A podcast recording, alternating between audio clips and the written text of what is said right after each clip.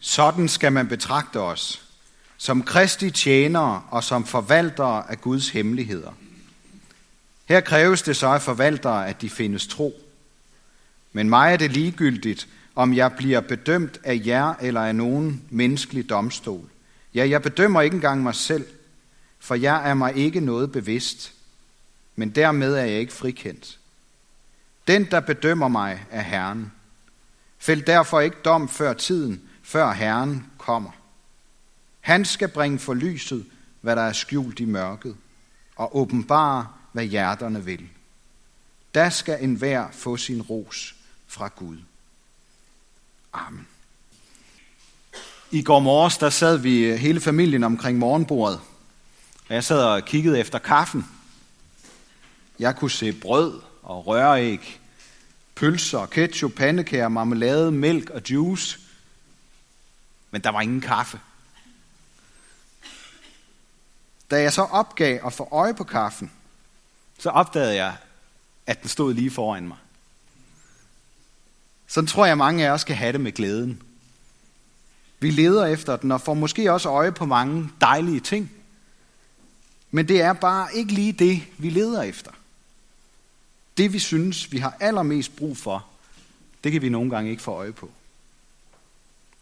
Og i dag, der vil jeg gerne komme med den påstand, at glæden, om vi har fundet den eller ej, om vi kan se den eller ej, så er den lige foran os.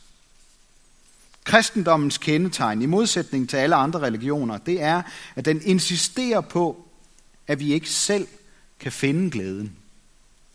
For det er glæden, der kommer til os. Det vil jeg gerne argumentere for. Jeg vil gerne gøre det på øh, tre måder. Ud fra temaet, glæden kommer. For det første, glæden kommer ind alle steder udefra. For det andet, så kommer glæden bag på os igen. Og for det tredje, glæden kommer fra Gud gennem løfterne. Ofte så kan vores tanker være fyldt af, om vi er glade for vores liv, som det har formet sig indtil nu. Har vi selv gjort nok, eller det rigtige for det? Er jeg den, jeg burde være? Jeg synes, det er befriende, at Paulus ikke kræver af os, at vi skal være glade. Han kan finde på at opfordre os til at glæde os i Herren, altså over, hvad Jesus har gjort for os ved at elske os ud over alle grænser. Men han kræver ikke, at vi skal føle os glade for vores liv. Som kristi tjenere og forvaltere af Guds hemmeligheder, kræves der ikke andet, end at vi er tro. Det handler om, hvad hjerterne vil. Og må ikke, at de fleste af os egentlig gerne vil være glade. I dag der skal vi se lidt nærmere på en af Guds hemmeligheder. At hans glæde kommer ind alle steder udefra. Det oplevede Johannes Døber, der havde fået en helt særlig opgave af Gud. Han skulle bane en vej. Lægge den røde løber, kunne man sige, ud for Jesus. Han var den sidste profet, og Jesus kalder ham med profeten Malakias ord for intet mindre end en engel. Johannes havde haft mange følgere, mens han gik rundt i Judæas ørken og holdt omvendelsestaler, så folk blev ramt i deres hjerter og fandt ud af, at deres liv indtil nu kun havde givet overfladisk mening. Han havde døbt Jesus og fortalt sine disciple, at Jesus var som et offerlam. Guds offerlam, der skulle bære hele verdens synd og skyld på sine skuldre. Men så havde Johannes Døber også sagt, at kong Herodes havde syndet imod Gud ved at tage sin brors kone og gifte sig med hende. Og det var derfor, han nu sad i fængsel og var kommet i tvivl, om hans liv var spildt. Er du den, der kommer, eller skal vi vente en anden? spurgte han Jesus gennem sine disciple. Tænk, hvis Jesus havde sagt til Johannes, at han egentlig burde være glad. og at han var god nok. Tænk, hvis Jesus havde været ligesom så mange andre religiøse ledere gennem tiderne, der altid har en god forklaring, eller noget, man kan gøre for at få succes, eller blive mere åndelig, helt og glad. Underforstået, du har evnen til at gøre dig selv glad, hvis du bare gør det rigtigt. Fordi glæden kommer indenfra. Du skal bare finde ud af at finde den frem.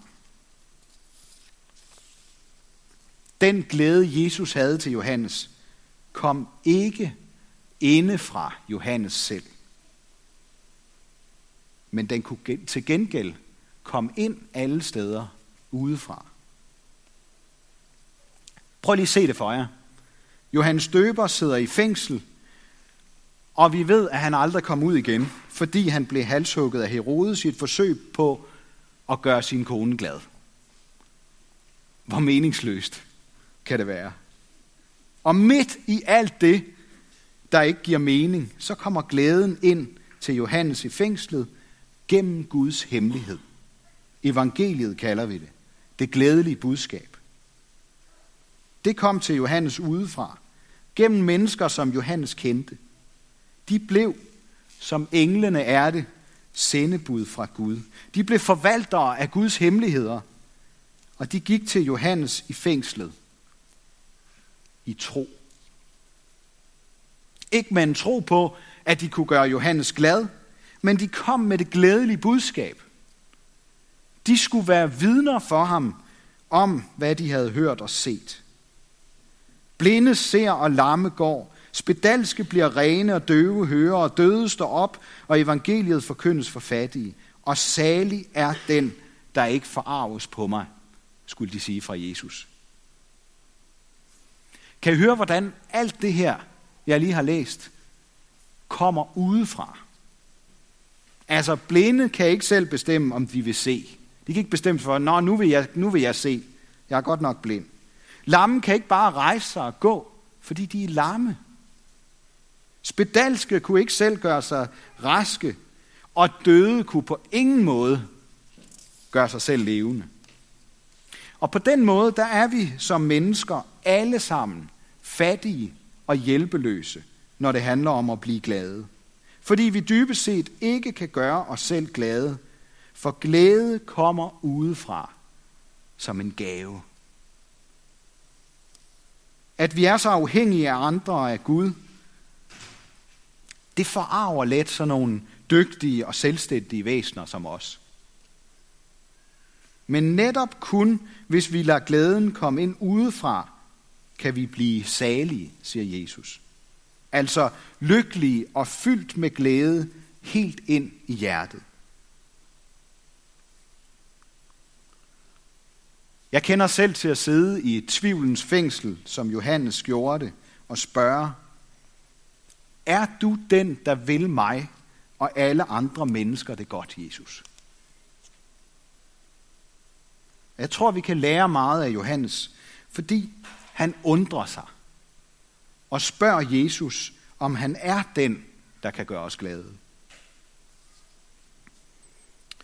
I bogen De Overbeviste, som jeg kan anbefale jer at læse, hvis I kender til tvivl og vil udfordres og have nogle velovervejede svar, der skriver en af forfatterne, Henrik Højlund, som også kender til tvivlen, at vi skal tænke os godt om, når vi tvivler. Vi skal undersøge og spørge, ligesom Johannes Døber. Jeg har også i tidens løb besøgt mange, der har siddet i tvivlens fængsel og været frustreret over ikke at kunne skabe glæden i et andet menneske. Jeg ved ikke, om I kender det. Hvis man bare lige kunne ordne det. Nogle gange, så tror jeg, det er lykkedes Gud at få mig til at rulle en rød løber ud i stedet for, som et tegn på, at glæden kommer. Og at den kan komme ind alle steder, selv i den inderste og mørkeste celle. Glæden kommer bag på os. Det er det andet, jeg gerne vil sige i dag. Ofte, når vi har det dårligt og mangler glæde, så drømmer vi om at vågne op i morgen og være fuldstændig lige så glade, som vi var det engang. Men for det meste, så går der lang tid, og så er det, når vi ser tilbage, at vi kan se, at glæden er kommet til at fylde mere. De to måske stærkeste eksempler på, at glæden kommer bag på mennesker, det er Johannes far Zakarias og Jesu mor Maria. Glæden kom så meget bag på dem, at de blev så overvældet, at de brød ud i en lovsang. Når vi bliver ramt af glæde, og hvor er det fantastisk, at vi kan blive det, så, så kan vi synge, jeg er så glad i dag, eller et eller andet andet. Det er sådan en enkel livsglæde, som vi gerne må nyde, når vi bliver ramt af den. Men Guds glæde kommer på en anden måde bag på mennesker. Så de siger ord, de ikke kunne have sagt sig selv. Det er som om glæden fra Gud taler igennem dem. I kan selv prøve at læse det første kapitel i Lukas evangeliet. Det er det kapitel, der kommer lige før juleevangeliet i kapitel 2. Så skal I prøve at høre, hvordan Zakarias og Maria fryder sig over Guds frelse og glæder sig over, at Gud vil lyse for dem, der sidder i mørkets og dødens skygge. Mennesker, så nogen som os, vi har det med at glemme, hvem Gud er. Fordi der er mørkt i vores verden. Og derfor så giver det mening at tænde mange lys hvert år til jul. Og komme bag på hinanden og forsøge at gøre hinanden glade. Den glæde, som Maria og Zacharias blev fyldt af, er ikke forbeholdt de få. Selv Johannes i fængslet fik den glæde, er jeg overbevist om. Og det er den glæde, der har fået mennesker til at fortælle om Guds frelse og Guds hemmelighed. Vi må bede om glæde. Bed om den glæde, og så vil den glæde komme til os igen. Og grunden til, at jeg kan sige det med sikkerhed, det er, at Jesus, ham der har båret glæden ind i vores verden som en gave, han har lovet at komme igen for at hente alle dem, der venter på ham. Så glæden kommer igen. Lige meget hvad der sker. Lige meget hvordan vi har det. Fordi Jesus kommer igen.